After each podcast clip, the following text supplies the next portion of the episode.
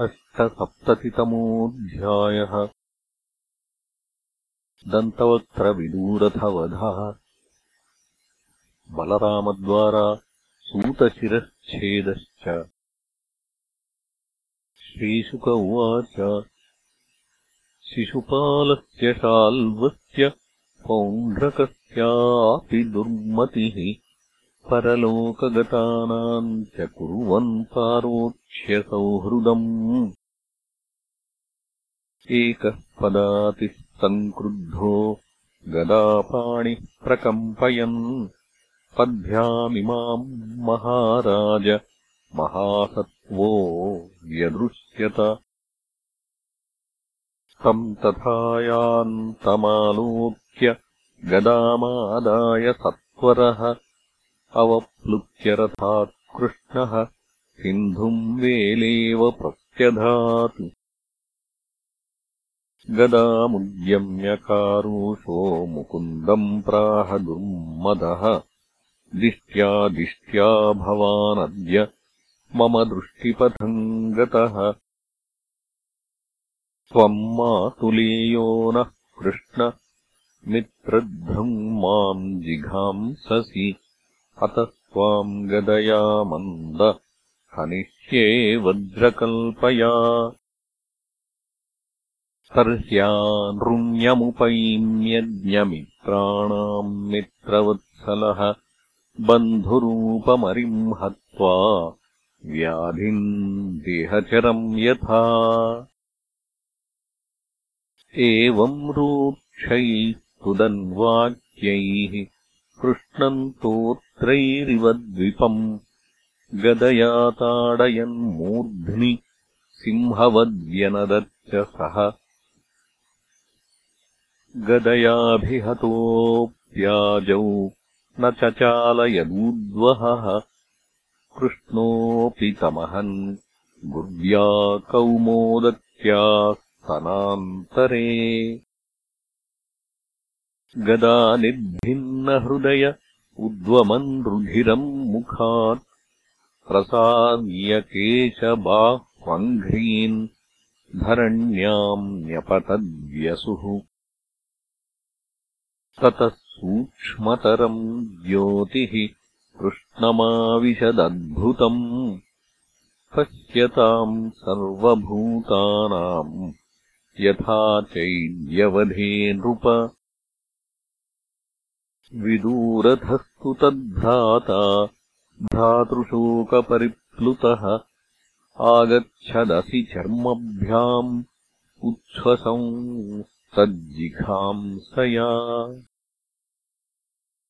तस्य चापततः कृष्णश्चक्रेण क्षुरनेमिना।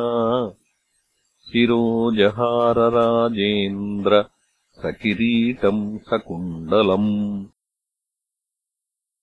एवम् सौभम् च शाल्वम् च दन्तवक्त्रम् सहानुजम्। हत्वा दुर्विषहानन्यैरीडितः सुरमानवैः मुनिभिः सिद्धगन्धर्वैर्विद्याधरमहोरगैः। अप्सरोभिः पितृगणैर्यक्षैः किन्नरचारणैः उपगीयमानविजयः कुसुमैरभिवर्षितः वृतश्च वृष्णिप्रवरैः विवेशालङ्कृताम् पुरीम्। एवम् योगेश्वरः कृष्णो भगवान् जगदीश्वरः ईयते पशुदृष्टीनाम् निर्जितो जयतीति सः श्रुत्वा युद्धोद्यमम् रामः कुरूणाम् सह पाण्डवैः तीर्थाभिषेकव्याजेन मध्यस्थः प्रययौ किल। स्नात्वा प्रभासे सन्तर्प्य देवर्षि पितृमानवान् सरस्वतीम् प्रति स्रोतम् ययौ ब्राह्मणसंवृतः। पृथूदकम् बिन्दुसरस्त्रितकूपम् सुदर्शनम्। विशालम् ब्रह्मतीर्थम् च चक्रम् प्राचीम् सरस्वतीम्। यमुनामनुयान्येव गङ्गामनु च भारत। जगामनैमिषम् यत्र ऋषयः सत्रमासते तमागतमभिप्रेत्य मुनयो दीर्घसत्रिणः अभिनन्द्य यथा न्याय्यम् प्रणम्योत्थाय चार्चयन्। सोऽर्चितः सपरीवारः कृतासनपरिग्रहः रोमहर्षणमासीनम् महर्षेः शिष्यमैक्षत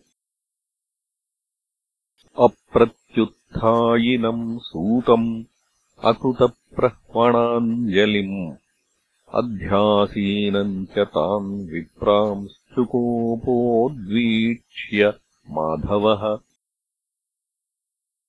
कस्मादसाविमान् विप्रान् अध्यास्ते प्रतिलोमजः धर्मपालांस्तथैवास्मान् वधमर्हति दुर्मतिः। ऋषेर्भगवतो भूत्वा शिष्योऽधीत्य बहूनि च तेतिहासपुराणानि धर्मशास्त्राणि सर्वशः। अदान्तस्याविनीतस्य वृथा पण्डितमानिनः न गुणाय भवन्ति स्म न तस्येवाजितात्मनः एतदर्थो हि लोकेऽस्मिन्नवतारो मया कुतः? वध्या मे धर्मध्वजिनस्ते हि पातकिनोऽधिकाः। एतावदुक्त्वा भगवान् निवृत्तो सद्वधादपि भावित्वा तम् कुशाग्रेण करस्थेनाहनत्प्रभुः हा हेति वादिनः सर्वे मुनयः खिन्नमानसाः। ऊतुः सङ्कर्षणम् देवम् अधर्मस्ते कृतः प्रभो अस्य ब्रह्मासनम् दत्तम् अस्माभिर्यदुनन्दन। आयुश्चात्माक्षमम् तावद्यावत् सत्रम् समाप्यते। अजानतैवाचरितस्त्वया ब्रह्मवधो यथा। योगेश्वरस्य भवतो नाम्नायोऽपि नियामकः यद्येतद्ब्रह्महत्यायाः पावनम् लोकपावन चरिष्यति भवान् लोकसङ्ग्रहोऽनन्यचोदितः। श्रीभगवानुवाच। करिष्येवधनिर्वेशम् लोकानुग्रहकाम्यया। नियमः प्रथमे कल्पे यावान् स तु विधीयताम्। दीर्घमायुर्बतैतस्य सत्त्वमिन्द्रियमेव च आशासितम् यत्तद्ब्रूतसाधये योगमायया। ऋषयौचुः अस्त्रस्य तव वीर्यस्य मृत्योरस्माकमेव च। यथा भवेद्वचः सत्यम् तथा रामविधीयताम्।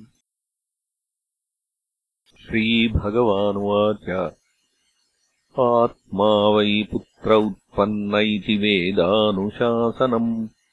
तस्मादस्य भवेद्वक्ता आयुरिन्द्रियसत्त्ववान्। किम् वः कामो मुनिश्रेष्ठा ब्रूताहङ्करवाण्यथ अजानतस्त्वपचितिम् यथा मे चिन्त्यताम् बुधाः।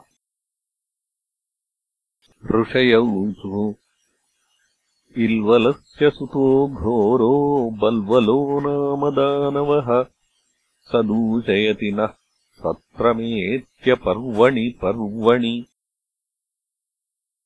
तम् पापम् जहिदाशार्ह तन्नः शुश्रूषणम् परम् पूयशोणितविण्मूत्रसुरा मांसाभिवर्षिणम्। ततश्च भारतम् वर्षम् परीत्य सुसमाहितः। चरित्वा द्वादशान्मासान् तीर्थस्नायी विशुध्यसे इति श्रीमद्भागवते महापुराणे पारमहंस्याम् संहितायाम् दशमस्कन्धे उत्तरार्धे अष्टसप्ततितमोऽध्यायः